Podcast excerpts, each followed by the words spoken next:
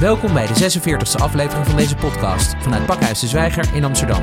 Mijn naam is Maurice Leeky en ik spreek met Janneke Scholtens en Kim Timmer, trendwatchers bij bureau Zorro. Op dinsdag 8 oktober zijn ze spreker tijdens het programma Toekomst van de Dood in Pakhuis de Zwijger.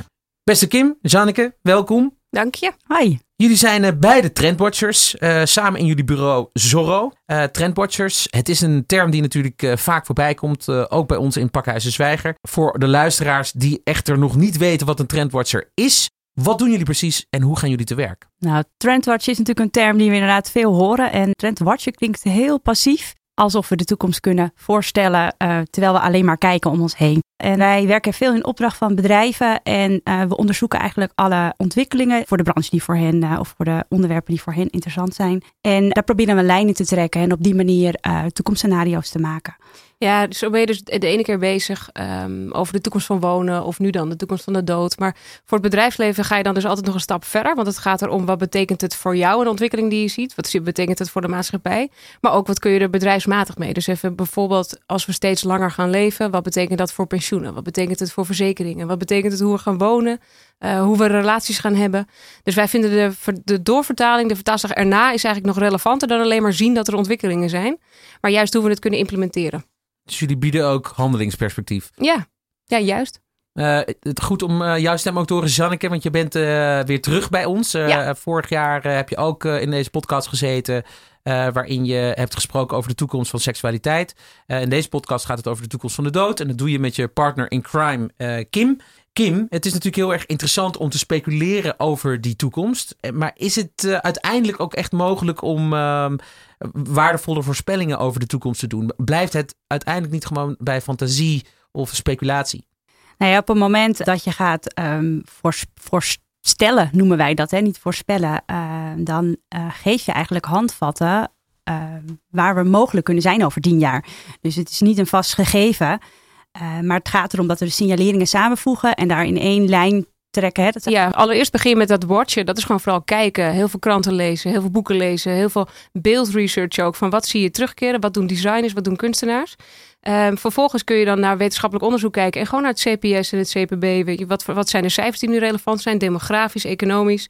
En even een heel concreet voorbeeld. Um, op een gegeven moment zagen we de toekomst van seks bijvoorbeeld uh, dat heel veel kunstenaars een baarmoeder maakten buiten het lijf van de vrouw, dus een, een robotbaarmoeder.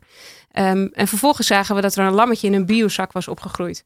Dus dat ze daadwerkelijk een lammetje buiten het lijf van, de, van het schaap, zeg maar, hebben kunnen laten volgroeien. Als je dan denkt aan IVF, als je dan denkt aan wat er wetenschappelijk kan, dat er kinderen prematuur geboren worden, dat er kunstenaars zijn die al zo'n baarmoeder maken, dan gaan we er logischerwijze naartoe dat je straks ook een kindje op een andere manier kan dragen dan alleen maar in je buik. Dus dat is het samenvoegen van al die signaleringen, wat deels dus wetenschappelijk is en deels gewoon design. Uh, maar dan kan je wel degelijk iets zeggen over de toekomst, wat niet een fantasie hoeft te zijn, maar wat dus al best wel waarheidsgetrouw is. En dan beperken jullie je ook tot uh, bepaalde tijdsperiodes, uh, bijvoorbeeld vijf tot tien jaar? Of, of kijken nou, jullie ook echt naar de verre toekomst? Nee, we kijken ook naar de verre toekomst. Want vaak zie je ontwikkelingen die er nu zijn, die zijn de komende vijf tot tien jaar in opkomst. Op een gegeven moment wordt het dan mainstream of wordt het algemeen geaccepteerd. En dan kan je weer een stap verder gaan. Nu in de toekomst van de dood ook kijken we zo tot 2070 vooruit. Met de toekomst van seks ook kwamen we tot 2075. Wauw.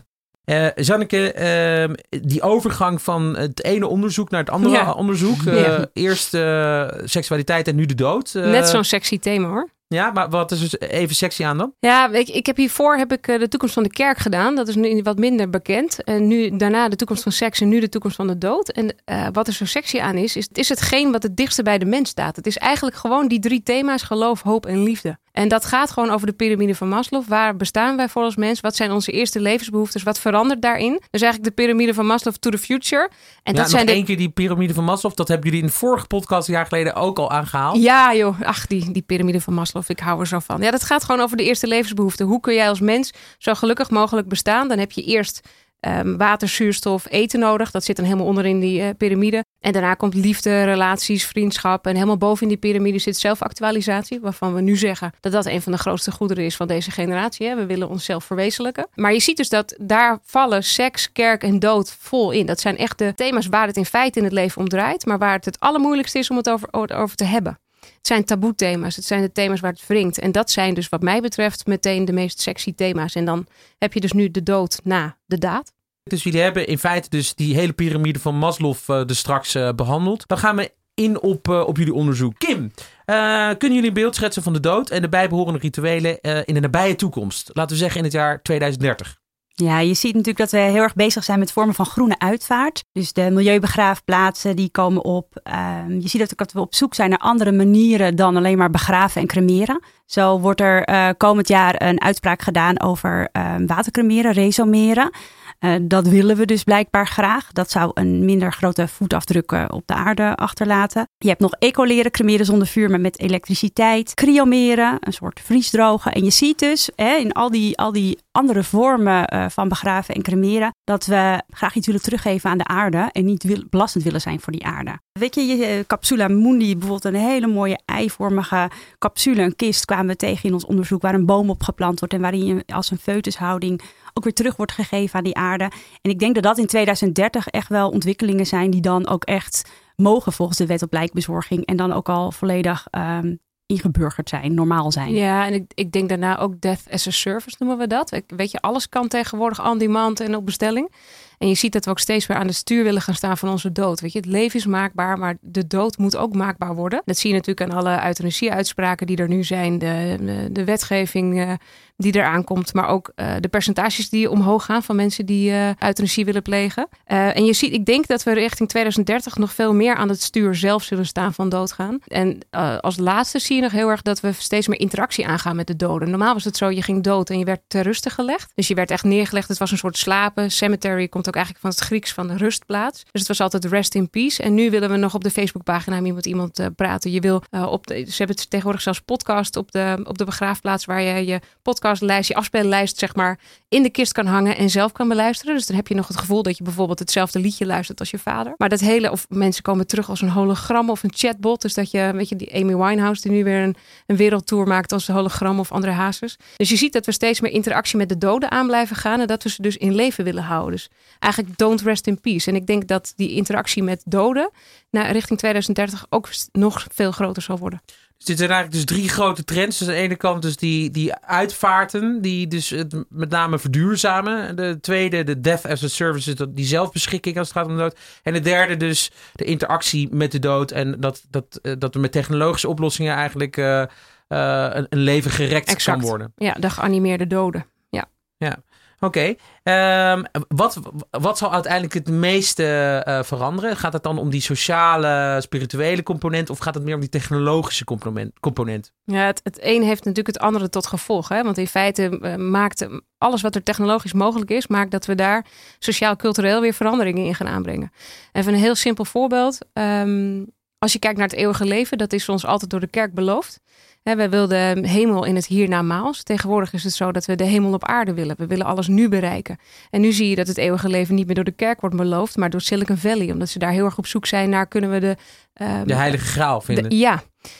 Um, dus je ziet daar ook, het, is, het komt door de technologie dat het kan, maar het heeft natuurlijk heel veel weerslag op wat we daar vervolgens mee moeten. Wat moeten we daar als mens mee? Wat gaat het betekenen voor de maatschappij? Wat voor impact gaat het hebben als we steeds ouder worden? Dus het, de technologische ontwikkeling heeft het sociaal-culturele ten gevolg. En zou je ook nog kunnen zeggen dat uh, in een, nou, laten we zeggen, als we Nederland als uitgangspunt nemen, waarin er toch sprake is van ontkerkelijking bij de, nou ja, de oorspronkelijke Nederlandse bevolking, om maar even zo uit te drukken, uh, dat, dat vanuit want je had het over de kerk. Maar goed, voor veel mensen is die kerk er dus uh, in die zin niet meer. Bij de post-christelijke bevolking, zou je dan ja, kunnen zeggen. Ja. Maar het feit dat er dus geen kerk meer is, heeft dat dan ook invloed op die, toch, uh, die, die zoektocht zeg maar, naar iets, iets spiritueels. Maar wellicht ook die zoektocht naar een hiernamaals wat nu is. Ja, je ziet op dit moment halen de ongelovigen de gelovigen in. Ik geloof dat we nu op 58% ongelovigen zitten ten opzichte van uh, de gelovigen in Nederland. En die zoektocht naar zingeving of zelfactualisatie, wat we net al zeiden van die piramide van Maslow, maakt dat je dus altijd op zoek gaat naar het spirituele, naar iets wat, um, wat voort blijft bestaan. En dat past ook totaal niet in ons hyperindividualisme, dat jij straks niet meer bestaat. Hè? Wij vinden onszelf allemaal heel belangrijk, we etaleren onszelf, we zitten op social media. En dan zou het zo zijn dat jij met alles, met al je ambities, met al je bucket en fuck it list, wat je allemaal aan het afvinken bent met wat je wil, wat je wil betekenen in je leven, dat het opeens weg is als je dood bent. Omdat de kerk er niet meer is die jou een hiernamaals belooft. Dat accepteren we niet. Dus gaan we op zoek naar een andere manier om, om toch die onsterfelijkheidsfactor in te vullen. En dus zie je dat we veel meer aan het zoeken zijn naar leefstijlgeneeskunde, naar levensverlenging, naar zo lang mogelijk proberen te verjongen, naar verjongingskuren, naar, naar eigenlijk alles wat ze in Silicon Valley aan het onderzoeken zijn en wat ze trouwens overal ook in Nederland aan het onderzoeken zijn. Uh, om maar zo, zo lang mogelijk het leven op te rekken, omdat we er geen afstand van willen doen. En wat is de invloed? Want Nederland is natuurlijk ook een land waar uh, inmiddels gewoon uh, echt een, een, een, diverse en super diverse bevolking leeft. Wat is de invloed van bijvoorbeeld andere geloven en andere culturen op Nederlandse perspectief als het gaat om de dood en de rituelen daaromheen in de toekomst? Ja, dat verandert natuurlijk. Er zit natuurlijk een enorme immigratietendens in Nederland. En je ziet dat daar bij andere culturen komen andere gebruiken ook weer mee. En die zullen ook weer zijn weerslag vinden op, op hoe wij uh, te aarde worden gesteld. Ik denk ook dat die natuur kant, wat Kim net beschreef, dus die hele eco-begrafenissen, ehm, ehm, dat dat ook van andere culturen vandaan komt. Er is laatst zo'n hele serie geweest op televisie, ik weet even de naam niet meer, uh, waarbij ze de wereld rondreist en daar naar rituelen keken. Dat ja, de serie Last Days is dat, door een Belgische fotograaf gemaakt, op VPRO uitgezonden. Ja, en daar zag je ook allemaal toch allemaal al voorbeelden in die van andere culturen dan overkomen wij. En neem ook bijvoorbeeld Coco, die film van Disney. Ontzettend leuke film waarbij het dan gaat over de Mexicaanse gebruiken. En een kindje zeg maar als, als botjes terugkomt om met zijn opa en oma geloof ik weer feest te vieren. Omdat ze daar de, de doden weer tot leven proberen te wekken door met hun botten feest te vieren. Ja, dat zijn dingen die je nu bijvoorbeeld in de westerse cultuur weer terugziet door een film als Disney. Dus het heeft allemaal direct effect op, um, immigratie heeft ook direct effect op de rituelen en gebruiken die wij hebben. Ja, de mensheid, we hebben het al even aangestipt, die is al heel lang gefascineerd door het fenomeen het eeuwig leven. Uh, die, die kweesten naar de heilige graal is daar ook een uh, mooie metafoor voor. Uh, is onsterfelijkheid ook een reële optie in de toekomst? Ja, we zijn daar eigenlijk als een soort stappenplan naartoe aan het werken. Uh, waardoor het, als ik je het in stappen ga vertellen, lijkt het in één keer heel reëel. Dus het eerste stapje is waar we nu zitten, is dat je elk, elke tien jaar komt er twee jaar bij. Dus je kan van 80 naar 85 gaan en dan naar 87 naar 89. Oh, dat is gewoon eigenlijk lineair. Um, nu zie je dat er heel veel wordt gewerkt aan verouderingstechnieken om veroudering tegen te gaan. En dat is of je telomeren verkorten. Dat wat, zijn de telomeren? Ja, dat zijn de uiteindes van je chromosomen. Dat moet je zien als een soort plasticjes op het, uh, als op het uiteinde van je veter. Die worden naarmate er meer celdelingen plaatsvinden, dus naarmate je ouder wordt, worden die korter. En op dus moment, bij mannen en vrouwen zo, Ja, dus bij iedereen zo. Bij elk diersoort is dat ook zo. En op het moment dat je die verlengt, blijf je langer leven. En dat is al gelukt bij muizen. Dus je ziet dat er nu veel meer theorieën zijn om dan richting die 120, 130 jaar te gaan. En bijvoorbeeld stamceltherapie, nanotechnologie. Um, dat telomeren valt onder stamceltherapie, of nee, onder gentherapie. Nou, dat, zo zijn er allerlei soorten therapieën waarmee ze daarmee bezig zijn. Andrea Meijer is nu al best wel vaak op tv geweest inmiddels bij zomergasten en een masterclass gegeven. En uh, zij legt deze theorie ook uit hoe we op die manier levens kunnen verlengen. Ja, zij is een stamcelwetenschapper. Ja, een verouderingsonderzoekster ook. Ja, echt fantastisch wat zij allemaal uh, weet en wat ze ook wereldkundig maakt. Want zij zegt ook 130 is in feite helemaal niet zo ver farfetched, zeg maar, zoals de meeste mensen denken. Maar er zijn zoveel dingen mogelijk. Het zijn alleen allemaal verschillende recepten. recepten. En ik denk dat je uiteindelijk zal zien, het zal niet zo zijn dat er één ding heel erg gaat gebeuren waardoor je onsterfelijk wordt, maar een mix van al deze dingen bij elkaar. Dus die heilige graal, wat jij net al zei, dat wordt eigenlijk een soort cocktail van al deze ingrediënten. En tot die tijd zijn ze bezig om de longevity velocity escape eh, zo, dicht mogelijk bij te halen. En dat betekent eigenlijk, dat is een soort ontsnappingssnelheid, letterlijk vertaald.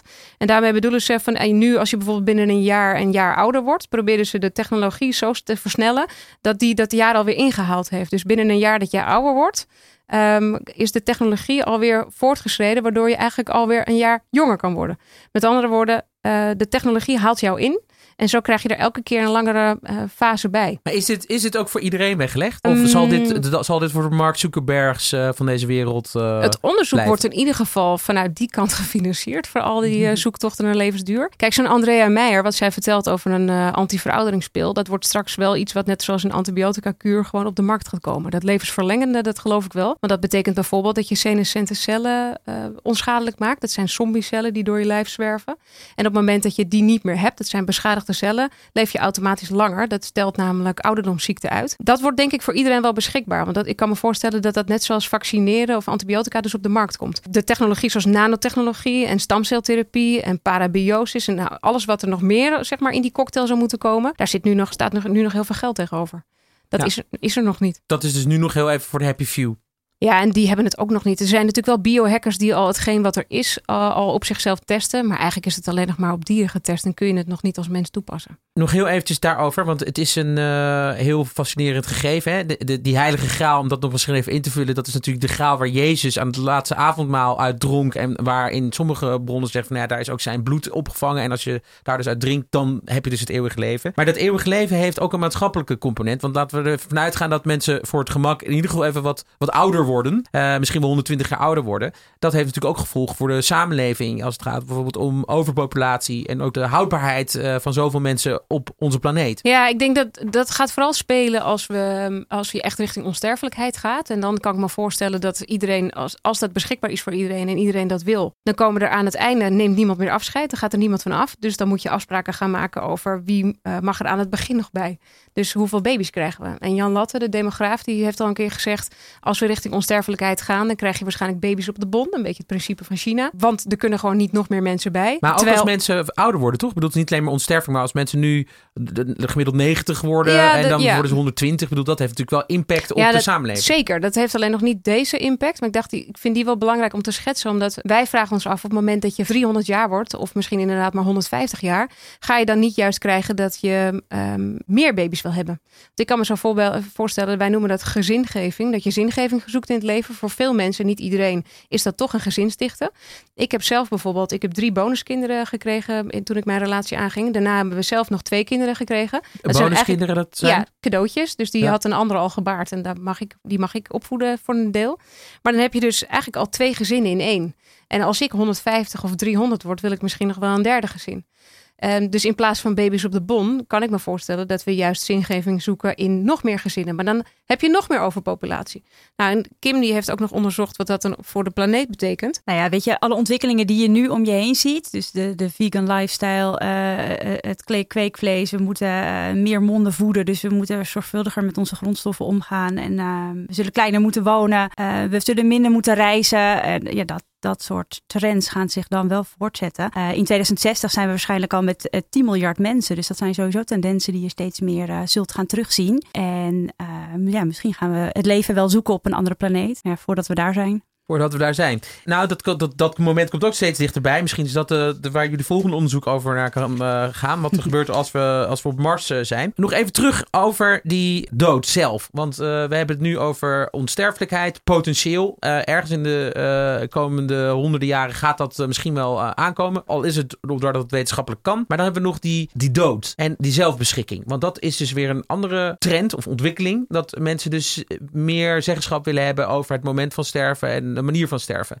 Wat voor ontwikkelingen verwachten jullie daar specifiek? Je ziet dat we uh, steeds meer dus aan het roer willen staan uh, van onze eigen dood, ook als we dat niet meer kunnen. Uh, dat zie je bijvoorbeeld aan de cijfers die het expertisecentrum euthanasie onlangs heeft uitgegeven. Die, het centrum kennen we uh, hiervoor als de levenseinde kliniek. Maar daarin zijn er dus 15% meer euthanasie-aanvragen gedaan afgelopen jaar. En na peiling heeft ook een, een stelling gehad onlangs. Dat je moet zelf kunnen beslissen over je levenseinde. En daar was 87% mee eens. En dat is gewoon echt een ontzettend hoog aantal. Hè? Dat betekent dat uh, 90% uh, bijna dus echt wel zelf die beslissing wil maken. Er worden steeds meer levenstestamenten gemaakt. En nou ja, aan al die cijfers kun je eigenlijk zien dat we dus echt de dood uh, um, in de hand willen hebben. En je ziet dat ook heel erg. Uh, dat kunstenaar... En dat is een verschil met vroeger, waarin je gewoon afwacht tot jouw moment daar, daar was. Daar was, ja. Exact. Philip Nitschke, dat is een uh, activist en een uh, advocaat die veel euthanasieverklaringen uh, regelde. Die strijdt daarvoor en ontwikkelde dus ook de deathbot. Dat is natuurlijk een, iets wat niet toegestaan is.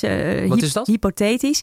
Het is een soort capsule waar je eigenlijk ingaat en meteen op een knop dood kan zijn. Het vult zich met stikstof. Je gaat daarin liggen. Daarna word je daar ook in begraven. Het is van biologisch afbreekbaar materiaal. Dus op dat moment dat je erin gaat liggen, heb je zelf beslist dat je op dat moment dood wil gaan. Dus dat is eigenlijk een soort oplossing, al dan niet gekscherend, naar de vraag: wanneer mogen we eh, onze eigen dood bepalen? Wanneer is de dood van ons?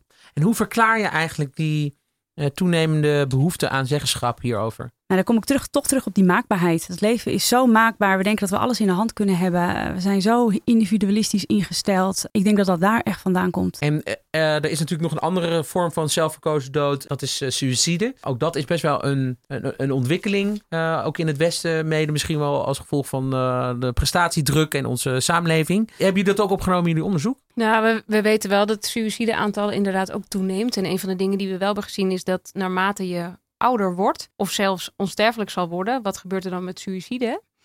Um, als je geen, ze zeggen wel eens dat als je leven oneindig wordt, dan heeft het ook geen zin meer. De dood geeft betekenis aan je leven. Dat zie je altijd in vampierfilms die oneindig leven hebben en depri depressief Zwaar worden. depressief, ja. Maar dat is wel een van de voorspellingen. Dat we op het moment dat je dus weinig zingeving hebt, dat de depressie toe zal nemen. Dat je meer zelfmoorden zal zien. En dat je dan dus ook weer meer mensen aan het stuur van hun eigen lotsbeschikking zult zien. Uh, maar het is niet een apart onderwerp wat we heel erg uitgediept hebben. Hey, en zijn er dingen waar jullie echt van uh, in dit onderzoek van geschrokken zijn? Of, of die jullie echt buitengewoon opmerkelijk vonden? Of zijn er risico's of gevaren waar je ons op willen wijzen? Nou, wat ik wel heel spannend vind, is dat wat ik net zei, dat er biohackers zijn die de medicatie die er op de markt is, nou officieel nog niet, maar die getest wordt, dat ze die op zichzelf testen. Dat vind ik wel. Ik snap wel dat democratisering van technologie belangrijk is en dat we zelf moeten weten wat er gebeurt. En dat je uh, mee moet kunnen beslissen als mens, maar het op jezelf testen terwijl het een muis misschien net uh, een 20% meer leven, het levensrekking heeft gegeven, zegt nog niet dat het op jou geen bijwerking heeft. Dus dat vind ik wel een hele spannende. Heb jij er zo nog één? Ik schrok wel van cryonisme. Dat mensen zich willen laten invriezen op zijn kop in een stikstoftank voor 200.000 dollar. Uh, in hoop op betere tijden, ontdooien, genezen. Als de medische wetenschap verder is dan dat ze nu zijn. Uh, of alleen je hoofd, hè, want dat bespaart geld en uh, capaciteit. Ja, daar, ben ik wel van geschrokken. De vraag is, word je, ooit, word je weer ooit tot leven gewekt? En wie gaat dat dan doen? Zeker als we dan met een, een overpopulatie te maken hebben. Vond ik erg spannend. Want zie je ook dat, uh, dat bepaalde bedrijven hier al op, op inspringen? Dus dat dit echt een aparte bedrijfstak gaat worden van multinationals die zich met de dood bezig gaan houden? Nou, het is natuurlijk qua wet en regelgeving mag dat nog niet overal. Er zijn twee bedrijven in de VS die dat toestaan. Eén bedrijf in Rusland, Alcor in Phoenix, waar je natuurlijk gek genoeg ook uit de as zult herreizen, um, is daar één van de grootste, de bekendste. Ehm, ja, dus je ziet wel dat dat speelt en leeft. Dus het is alweer een industrie aan het worden, de dood? Dat zou kunnen. Uh, nog even voor ons beeld, maar hoe gaat het programma op 8 oktober eruit zien? Ja, wij mogen eerst in het eerste half uur uh, samen, Kim en ik, uh, het publiek meenemen in eigenlijk waar we het nu net over gehad hebben, dat er een soort keuzemenu aan het ontstaan is. A, je gaat dood met alle trends die daarbij horen. B, je gaat half dood, dus je gaat dood, maar je komt nog terug. Denk als hologram, denk al dat je ingevroren wordt, dat noemen ze cryonisme. En dat ze je weer tot leven willen wekken of denk dat je terugkomt als chatbot. En C, uh, je gaat niet dood. Dus die hele uh, hunt naar onsterfelijkheid. Dat is net ook wel zo'n beetje voorbij gekomen. Maar dat is eigenlijk waar de avond over gaat. En dat bespreken we dan ook nog met een aantal panelleden. Waar ik heel blij mee ben dat die uh, een aandacht hieraan willen geven. Bijvoorbeeld Marleen Stikker van de Waag. met haar gaan we het natuurlijk hebben over de democratisering van technologie. Maar vooral de democratisering van levensverlengende technologie. Wat gebeurt er dan met de wereld? En de welvaartskloof waar je het bijvoorbeeld over had. Maar ook bijvoorbeeld een Bert Keijzer. Die het gaat hebben, is arts en filosoof. Die vooral met palliatieve zorg te maken heeft. Over stervenskunst. Hè, van, willen we eigenlijk wel 120 jaar worden? Is dat wel iets wat wenselijk is voor ons als mensen? En bijvoorbeeld Ruben Baart van Next Nature Network is erbij. En met hem zullen we vooral naar de vraag gaan kijken van um, dat niet doodgaan. Is dat nou iets tegennatuurlijks of wordt dat onze nieuwe natuur? Omdat zij heel erg stellen dat technologie onze nieuwe natuur wordt. En wat betekent dat dan vervolgens? Jullie uh, worden straks geïnterviewd door de Telegraaf. Wij waren eigenlijk het eerste medium uh, wat uh, dit onderzoek ja, jullie, hebben de, jullie hebben de scoop. Wij hebben de scoop. Wat, wat, verwachten jullie trouwens wat er straks ja, van de reacties van de samenleving op de resultaten van jullie onderzoek? Nou, het is natuurlijk een onderwerp wat al heel veel uh, aan de orde is geweest. Hè? Wat ik net al zei, Andrea Meijer is natuurlijk veel op tv geweest. Maar Jan Mulder heeft bijvoorbeeld ook al zijn zoektocht gedaan naar het eeuwige leven. Dus ik denk dat, um, dat er al heel veel over gezegd wordt dat mensen de dood steeds vaker op de agenda horen komen. Of het, het oneindige leven. Uh, en ik hoop dat we nog meer het gesprek op gang weten te brengen. Dus dat het niet alleen maar een, een, momentum is, maar dat het iets is waar mensen echt over gaan nadenken. Waarbij ze ook echt met elkaar gaan zeggen: wat zou ik nou willen? En wat zou ik nou kiezen vanuit het keuzemenu? Zou ik kiezen dat ik doodga, dat ik half doodga, of dat ik nooit, dood, nooit doodga? Um, dus ik hoop dat de reacties worden dat het gesprek open gaat. En dan uh, ook met het oog op uh, de recente Prinsjesdag en alle investeringen die nu worden gedaan uh, in, in de samenleving, bijvoorbeeld in onderwijs of zorg, naar nou, alle thema's in, in, zeg maar, als je de beleidsmakers van Nederland en de bestuurders van Nederland, als je die een soort van advies zou mogen geven van oké, dit is eigenlijk op basis van ons onderzoek de richting uh, die jullie op zouden moeten gaan, hou daar rekening mee uh, als het gaat om bijvoorbeeld ouderenzorg of uh, gezondheidszorg. Wat zou het dan zijn? Nou, in gezondheidszorg gaat het er denk ik om dat Andrea Meijer een grote voet aan de grond krijgt. Omdat uh, die anti-verouderingsspeel, daar geloof ik heel erg in. Maar vervolgens moet er dus wel nagedacht worden, wat betekent dat dan als we steeds uh, veel ouder worden? Er moet in de zorg natuurlijk ook nagedacht worden over als we levens verlengen, wat doen we met die chronische ziekte? Kunnen we die, uh, die ouderdomsziekte er zoveel mogelijk uitsnijden?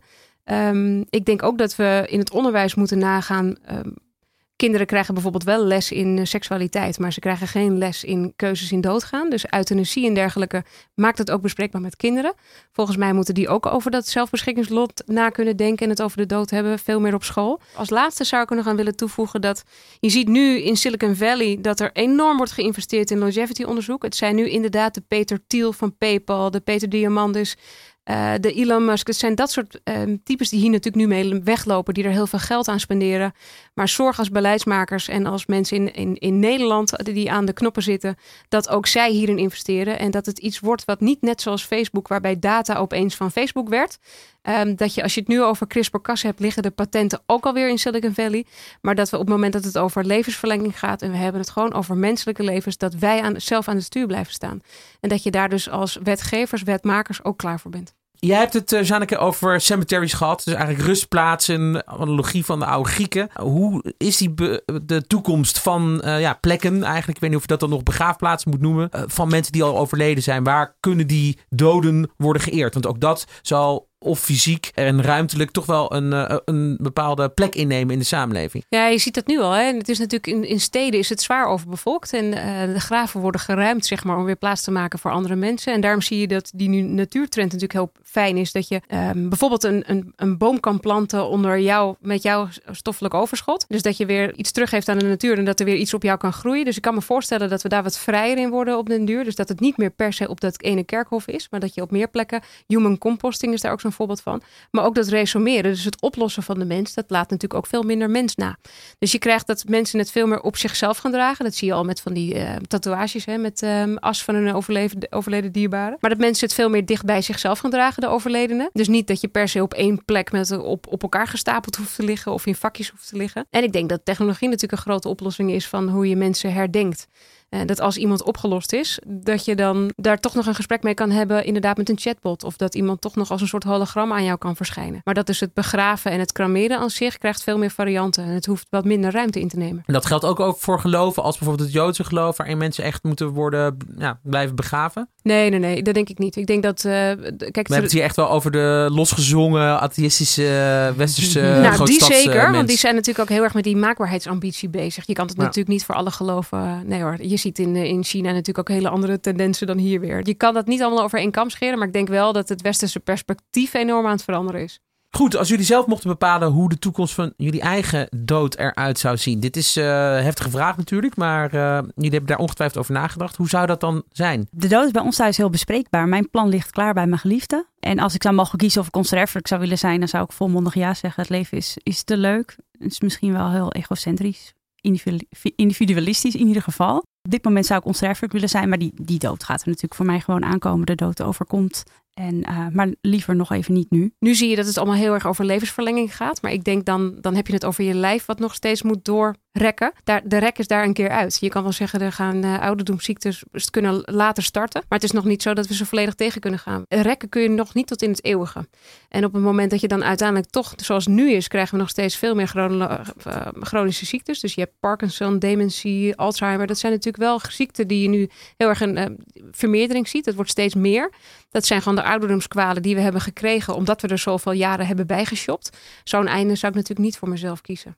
Is dat de natuur die toch eigenlijk uh, een uh, begrenzing wil van dat menselijk leven? Nou, ik denk zeker dat we, van, uh, dat we aan onze biologische evolutie aan het sleutelen zijn. En dat we van biologische evolutie naar technologische evolutie zijn gegaan. En in feite is vaccineren dat ook. Hè? Antibiotica is dat ook. Dat is iets wat wij zelf hebben gemaakt, waardoor wij langer kunnen leven. Maar een van de vragen die ook wel hebben is: is niet doodgaan uiteindelijk tegen natuurlijk of onze nieuwe natuur?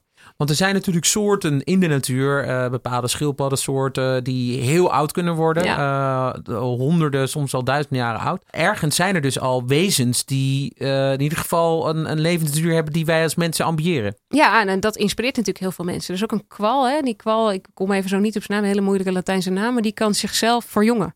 Dus die leeft uiteindelijk eeuwig. Dat is volgens mij het enige diersoort op aarde die echt onsterfelijk is. Wat zou het voordeel überhaupt zijn van onsterfelijk zijn? Nou, ik denk dat het voordeel alleen maar volledig individualistisch is en heel egoïstisch. Kijk, nu is het zo dat wij zijn eigenlijk gebouwd met een, zelf, met een ingebouwde zelfontploffer. Dus evolutietechnisch is het zo dat jij onsterfelijk bent door jezelf voort te planten. Dus jij moet het veld ruimen voor de anderen.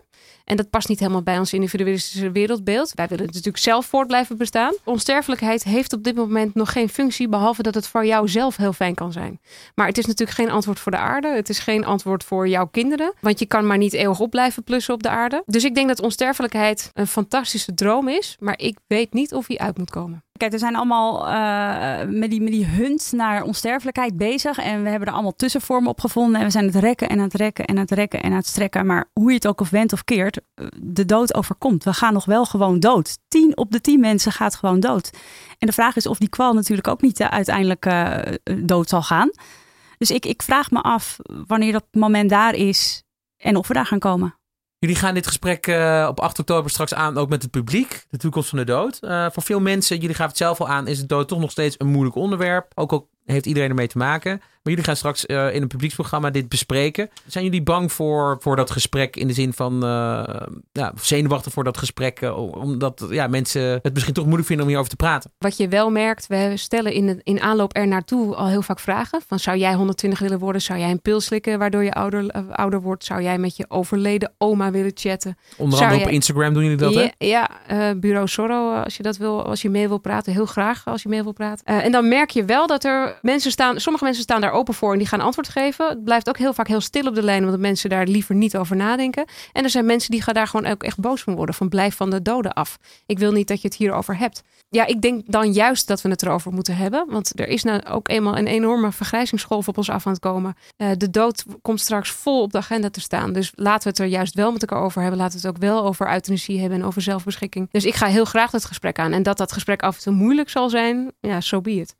Kim, heb jij uh, tot slot nog een uh, boodschap voor onze luisteraars? Nee, ik denk dat aanvullend daarop is uh, bewezen dat je een gelukkiger leven zult leiden als je je bedenkt dat je uh, stervende bent. Dus uh, download de app WeCroak. Nee, ik heb daar zelf niks mee te maken, maar de app WeCroak die helpt je er vijf keer per dag door middel van quotes aan herinneren dat je dus sterfelijk bent. En daardoor zul je een voltooider leven en een gelukkiger leven leiden. En ja, dat, dat geef ik graag nog even mee. Dankjewel. Beste luisteraars, dit was de 46e aflevering van de podcastserie van Pakhuis de Zwijger. Meer informatie over andere programma's van Pakhuis de Zwijger is te vinden op dezwijger.nl. Een rating achterlaten of je abonneren op deze podcast kan via SoundCloud, Spotify, iTunes of een ander podcastplatform. Dank voor het luisteren en tot de volgende keer.